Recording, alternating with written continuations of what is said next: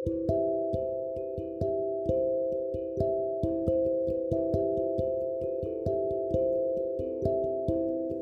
guys, gimana kabar kalian? Sehat kan di rumah? Ya sehat sih, cuman kan kita udah ngerasa bosan di rumah. Udah jenuh, pengen main, pengen keluar, pengen jalan-jalan, pengen semuanya. Pengen semua kembali normal. Oh iya teman-teman, ini adalah podcast pertama saya di mana saya harus membuat tugas dari dosen saya tercinta, yaitu Pak Malik.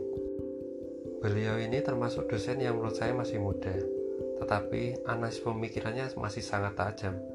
Masalah politik, ekonomi, sejarah, dan masih banyak menguasai hal lainnya. Iya nggak sih Pak? Kalau menurut saya sih iya sih Pak.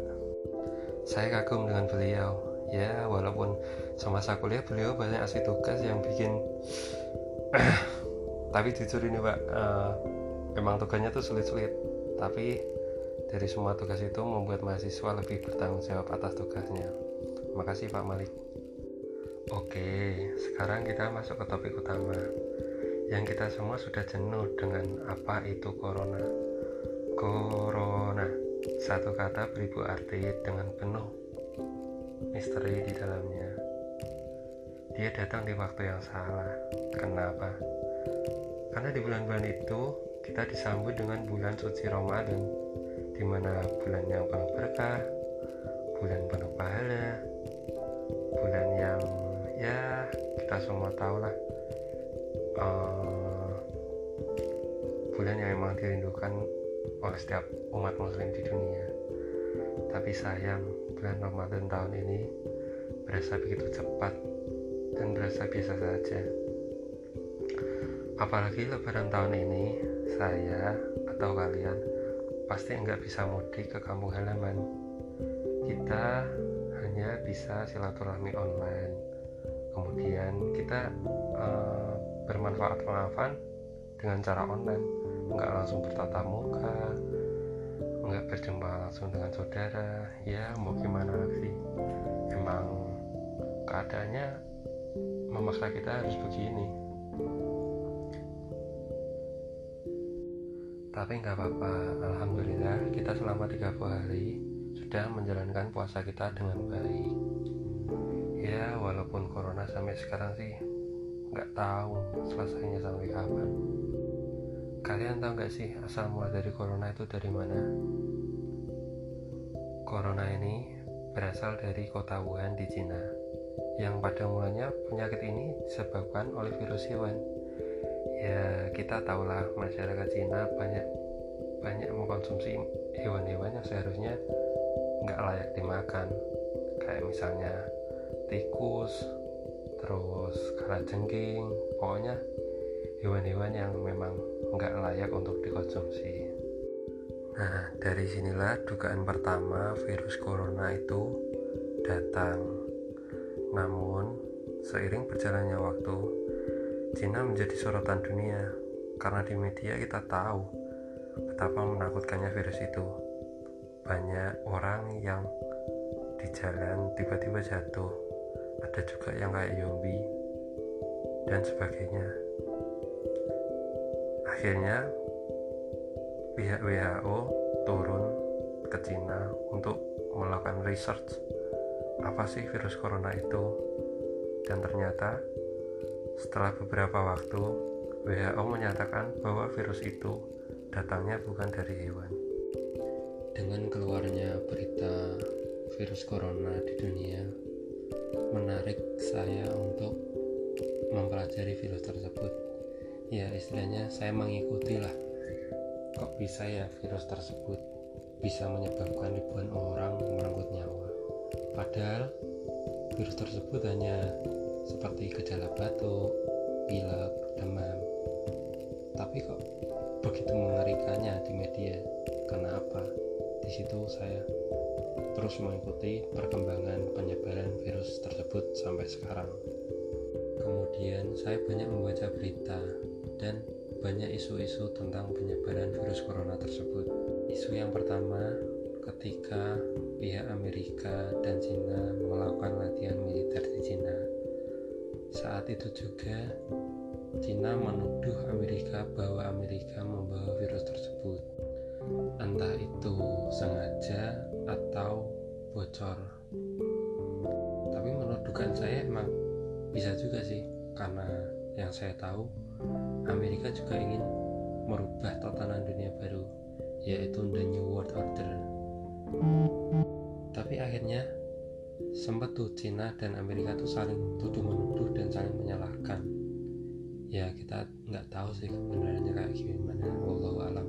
Saya sekarang pun isu tersebut masih panas di, diperbincangkan di dunia. Oke kita sekarang lanjut lagi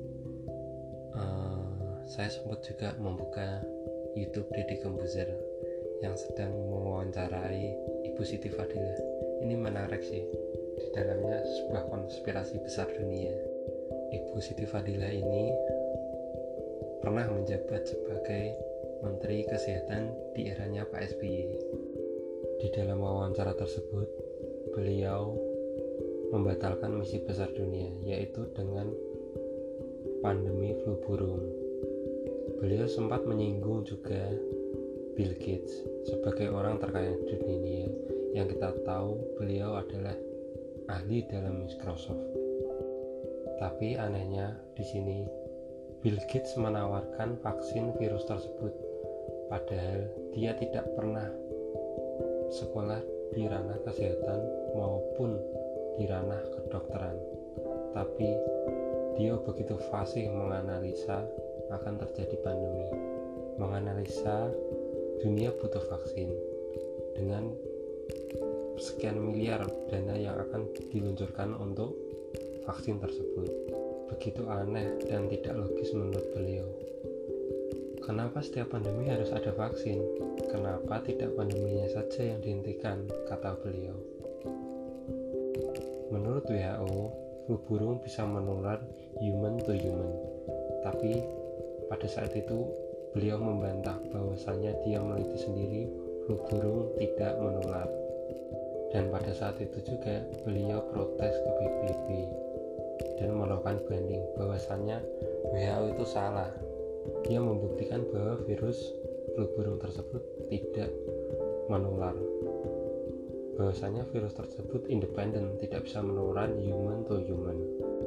Dan nggak lama kemudian memang pandemi itu langsung berhenti di sini saya kagum dengan beliau bahwa menghentikan pandemi bukan dengan vaksin, tapi dengan politik.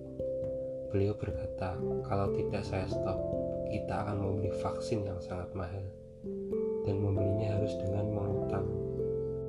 Saya pikir, oh iya iya, apa betul ya memang corona ini hampir sama dengan peristiwa yang flu burung yang sempat menggegerkan dunia. Yang saya merasa aneh kenapa setiap pandemi itu tujuannya pembelian vaksin? Dan pasti ada negara yang siap vaksinnya. Artinya jika vaksin diperjualbelikan maka virus juga dijual berbelikan dan jika ada negara yang menjual vaksin kemungkinan besar negara tersebut terlibat dalam bisnis besar tapi ini menurut analisis saya pribadi sih nggak tahu kebenarannya kayak gimana. Karena saya mahasiswa biasa yang mau gimana mau buktiin juga nggak bisa emang nggak bisa. Ini sudah baratnya ranah nasional pandemi nasional dan uh, politik internasional ya saya rasa memang virus ini sengaja dibuat dan yang masih menjadi misteri, siapakah dalangnya? Siapakah dibalik semua ini? Dan siapakah yang diuntungkan? Jawabannya hanya menunggu waktu yang bisa menjawab. Ya, memang pandemi ini tuh aneh, aneh sekali. Banyak misteri banget. Apakah ini yang disebut konspirasi dunia sampai Indonesia atau dunia pun merasakan dampaknya.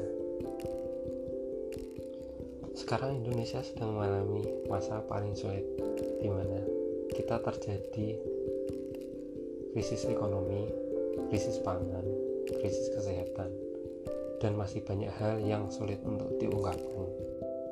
Yang harus kita lakukan sekarang ini hanya bisa bertahan hidup bagaimanapun caranya.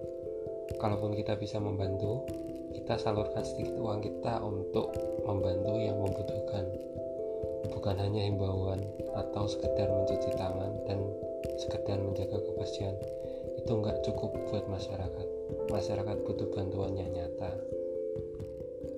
Kami masyarakat sangat membutuhkan sekali bantuan dari pemerintah.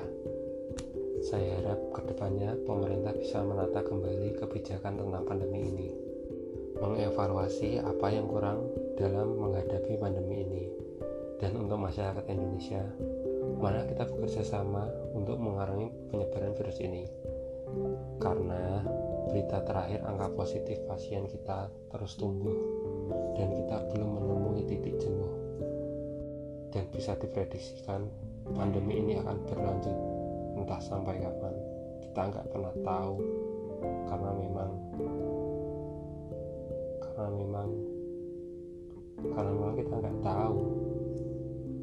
Ya sebagai masyarakat kita hanya bisa pasrah dan terus berusaha untuk bertahan hidup di masa pandemi ini.